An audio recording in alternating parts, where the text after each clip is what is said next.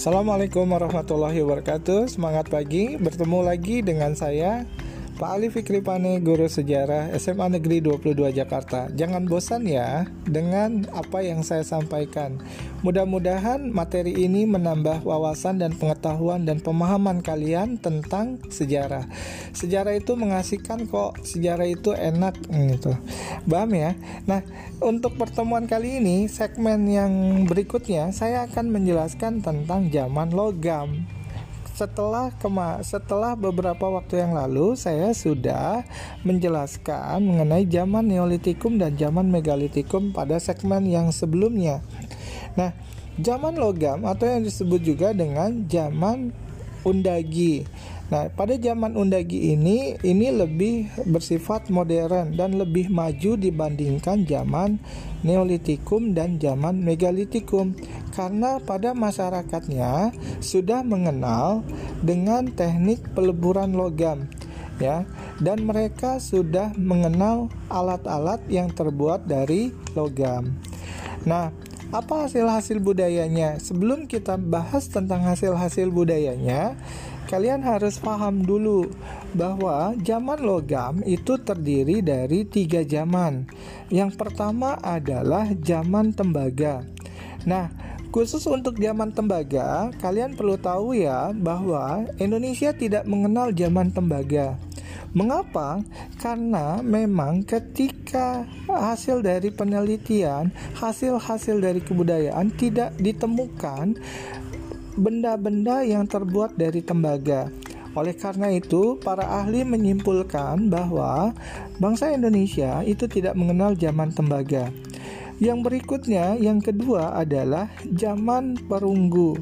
Nah, zaman perunggu ini masyarakat Indonesia mengenal. Nah, zaman perunggu itu buatannya dari mana?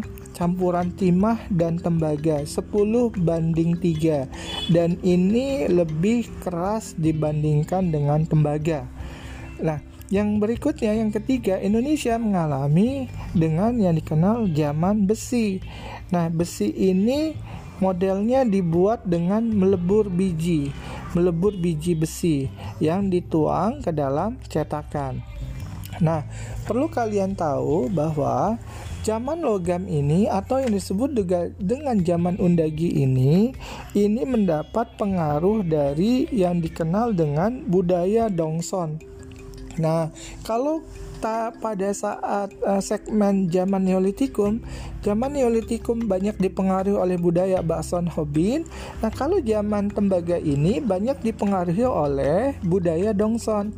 Artinya budaya Dongson yang berasal dari Asia Tenggara atau tepatnya di daerah Vietnam itu mempengaruhi ya kebudayaan Indonesia, mempengaruhi kebudayaan Indonesia. Nah, apa saja hasil-hasil budaya pada zaman logam ini atau yang dikenal dengan zaman undagi? Di antaranya adalah mereka mengenal yang disebut dengan dengan barang-barang perhiasan. Barang-barang perhiasan itu berupa manik-manik. Ada juga bejana perunggu. Ada juga yang disebut dengan candrasa ya candrasa ada juga yang disebut sebagai nekara nah yang menariknya di sini adalah ketika kita bicara tentang negara, negara itu adalah berfungsi sebagai alat bunyi-bunyian yang berkaitan dengan religi. Nah, apa kaitannya alat bunyi-bunyian yang berkaitan dengan religi? Ini negara ini banyak ditemukan di Pulau Jawa, di Pulau Sumatera, Pulau Bali, Pulau Sumba, Selayar, dan lain-lain. Nah, apa artinya bahwa alat-alat bunyi-bunyian ini berkaitan dengan religi? Di beberapa tempat, negara ini dijadikan sebagai alat untuk upacara memanggil hujan. Nah, alat ini digunakan pada saat upacara memanggil hujan Nah, ketika pada saat upacara, maka biasanya alat ini ditabuh atau ya kamu bisa membayangkan seperti kayak gendang. gitu ya jadikan sebagai gendang nah apa saja bentuknya nekara perunggu ini. Nah, kamu bisa bayangkan bahwa nekara perunggu ini benda yang berbentuk seperti dandang. Kalau kamu tahu dandang itu orang zaman dulu kalau sekarang kita pakai masak nasinya pakai rice cooker ya. Jadi kalian nggak tahu. Tapi kalau misalnya zaman dulu zaman dulu saya masih SD ya kan masih SMP orang-orang dulu itu pakai masak nasinya pakai dandang kayak gitu nah mungkin kalian bisa memahami dandang itu nah itu dandang terbalik itu adalah seperti negara perunggu nah terus bagian atapnya tertutup begitu. Nah, biasanya ini digunakan untuk upacara ritual. Jadi, di biasanya ada hiasan-hiasan uh, berupa eh, binatang-binatang uh, atau hewan-hewan di pinggir-pinggirannya seperti itu. Tapi untuk lebih memahami penjelasan saya, silakan kalian buka ya, cari di Google tentang bentuk negara perunggu. Nah, untuk berikutnya peninggalan selain dari negara perunggu pada zaman uh, Undagi gitu ya. Pada zaman Undagi dikenal juga dengan Moko. Moko ini adalah negara bentuknya negara tapi agak ramping. Nah, ini ditemukan di Pulau Alor, Nusa Tenggara Barat.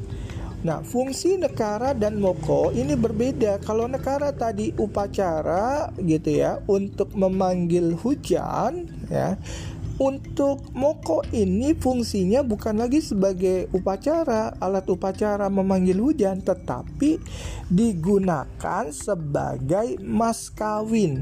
Nah, karena digunakan sebagai mas kawin gitu ya, maka ini bentuknya lebih ramping ya, ya gitu ya jadi kalau misalnya kamu e, melihat seperti kayak tifa tifa itu alat musik e, yang digunakan oleh orang Papua nah itu bentuknya itu seperti itu gitu ya Ad, Moko ini ditemukan di Bali, Pulau Selayar, di Sumatera, Pulau Loti, Pulau Leti, Alor, dan Kepulauan K. Nah, Berikutnya adalah selain dari peninggalan Nekara dan Moko ada juga peninggalan berupa kapak corong. Nah, silakan kalian cari sendiri bagaimana bentuk kapak corong yang merupakan peninggalan dalam peninggalan hasil budaya zaman logam atau zaman undagi. Kapak corong ini sering disebut sebagai kapak sepatu. Nah, ini juga mendapatkan pengaruh dari budaya Dongson. Nah, setelah kita sudah mempelajari, sudah menjelas, saya sudah menjelaskan mengenai hasil kebudayaan, bagaimana tentang cara kehidupan dan kemampuan masyarakat yang hidup pada zaman Undagi atau zaman logam ini yang pasti mereka sudah mengenal teknologi undagi. Mereka sudah bisa mengenal bagaimana teknik melebur logam. Nah, yang paling khas dari ciri masyarakat ya yang teknik apa zaman logam ini mereka sudah memiliki yang disebut sebagai skill labor. Skill labor ini adalah mereka bekerja berdasarkan keahlian. Nah, maka muncullah pada masa itu, pada zaman itu, ya, zaman di mana mereka mengenal ahli pandai besi.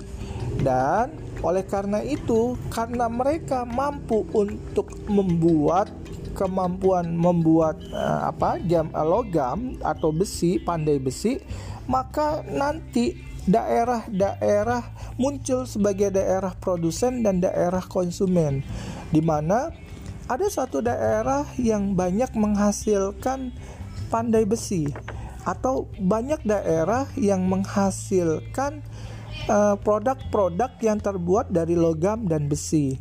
Nah, pada masa ini masyarakatnya itu sudah lebih modern. Di sana sudah terjadi transaksi ekonomi. Nah, transaksi ekonomi yang terjadi pada masa undagi atau pada masa zaman logam ini yaitu dikenal dengan sistem barter. Nah, sistem barter ini adalah sistem dengan cara bertukar. Ya, dengan cara bertukar.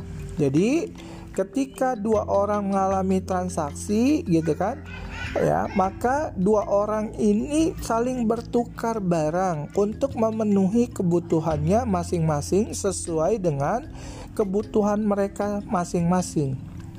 Nah, jadi mereka hidupnya secara ekonomi sudah mendengar mengenal sistem barter. Nah, untuk berikutnya kemampuan yang dimiliki ya dengan teknik mengenal atau melebur logam ini ada teknik pembuatan logam itu dikenal dengan dua macam yang dikenal dengan satu cetakan batu atau yang dikenal dengan bivalve yang kedua adalah cetakan tanah liat atau yang terbuat dari lilin atau yang dikenal dengan ecai perdu nah kalian harus paham bagaimana teknik bivalve, bagaimana teknik ecai perdu. Artinya teknik membuat logam atau membuat besi. Nah, perlu yang kalian perlu tahu bahwa cetakan batu dan cetakan tanah liat yang cetakan bisa dipakai berulang-ulang gitu ya. Bisa dipakai berkali-kali itu adalah dikenal dengan cetakan batu atau bivalve.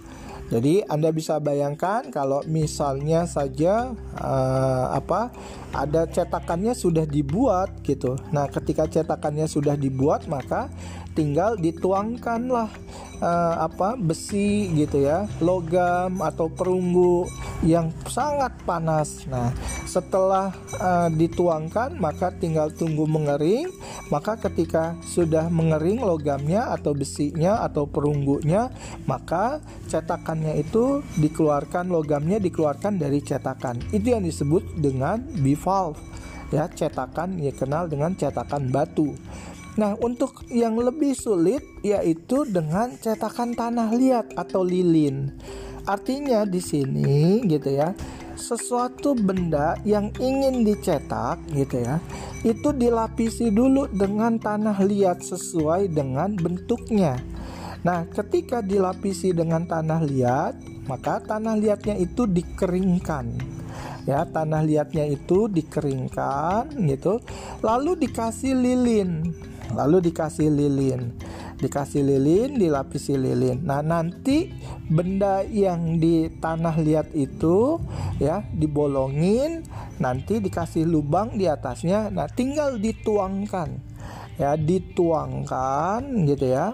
Dituangkan dengan ya kalau dia mau mencetak logam tuangkan dengan logam, dengan besi atau dengan perunggu atau dengan tembaga dan lain-lain. Nah, seperti itu setelah uh, sudah dituangkan maka tinggal tunggu mengering maka ketika tinggal tunggu mengering maka uh, benda yang dilapisi lilin ini tanah liat yang dilapisi lilin ini dihancurkan maka muncullah nanti cetakan sesuai dengan benda yang sudah dibuat. Nah, alangkah baiknya ketika Anda untuk memahami ini silakan kalian buka bagaimana teknik pembuatan logam dengan cara bivalve dan dengan cara cetakan tanah liat atau lilin atau yang dikenal dengan ecat perdu melalui internet. Nah, jenis manusianya Ketika kita bicara tentang teknik eh, undagi atau zaman logam, maka jenis manusia yang hidup pada zaman itu dikenal dengan sebutan Detro Melayu yang masuk ke Indonesia pada mas pada tahun 3000 sebelum Masehi. Nah, silakan kalian cari pemahaman tentang siapa itu Detro Melayu, suku-suku apa saja yang termasuk Detro Melayu. Terima kasih, mudah-mudahan kalian bisa memahami segmen terakhir ini tentang zaman logam. Mudah-mudahan kalian lebih paham dan jangan lupa silakan kalian mencari sendiri tentang apa yang tadi saya sudah sebutkan tentang bagaimana pemahaman kalian untuk menambah wawasan dengan membuka dari Google dengan membuka video bagaimana cetakan batu, bagaimana dengan menggunakan cetakan lilin, dan siapa saja yang termasuk bangsa Detro Melayu. Terima kasih sampai di sini dan ini adalah akhir dari segmen zaman undagi atau yang disebut juga dengan zaman logam artinya bahwa kita sudah selesai materi tentang kehidupan manusia zaman prasejarah dan hasil budayanya. Mudah-mudahan sekalian kalian menjadi lebih paham dan lebih memahami dan lebih mengerti. Apabila ada pertanyaan, silakan kalian bertanya dan jangan sungkan-sungkan untuk bertanya melalui WA group. Terima kasih. Saya akhiri. Wassalamualaikum warahmatullahi wabarakatuh. Semangat pagi.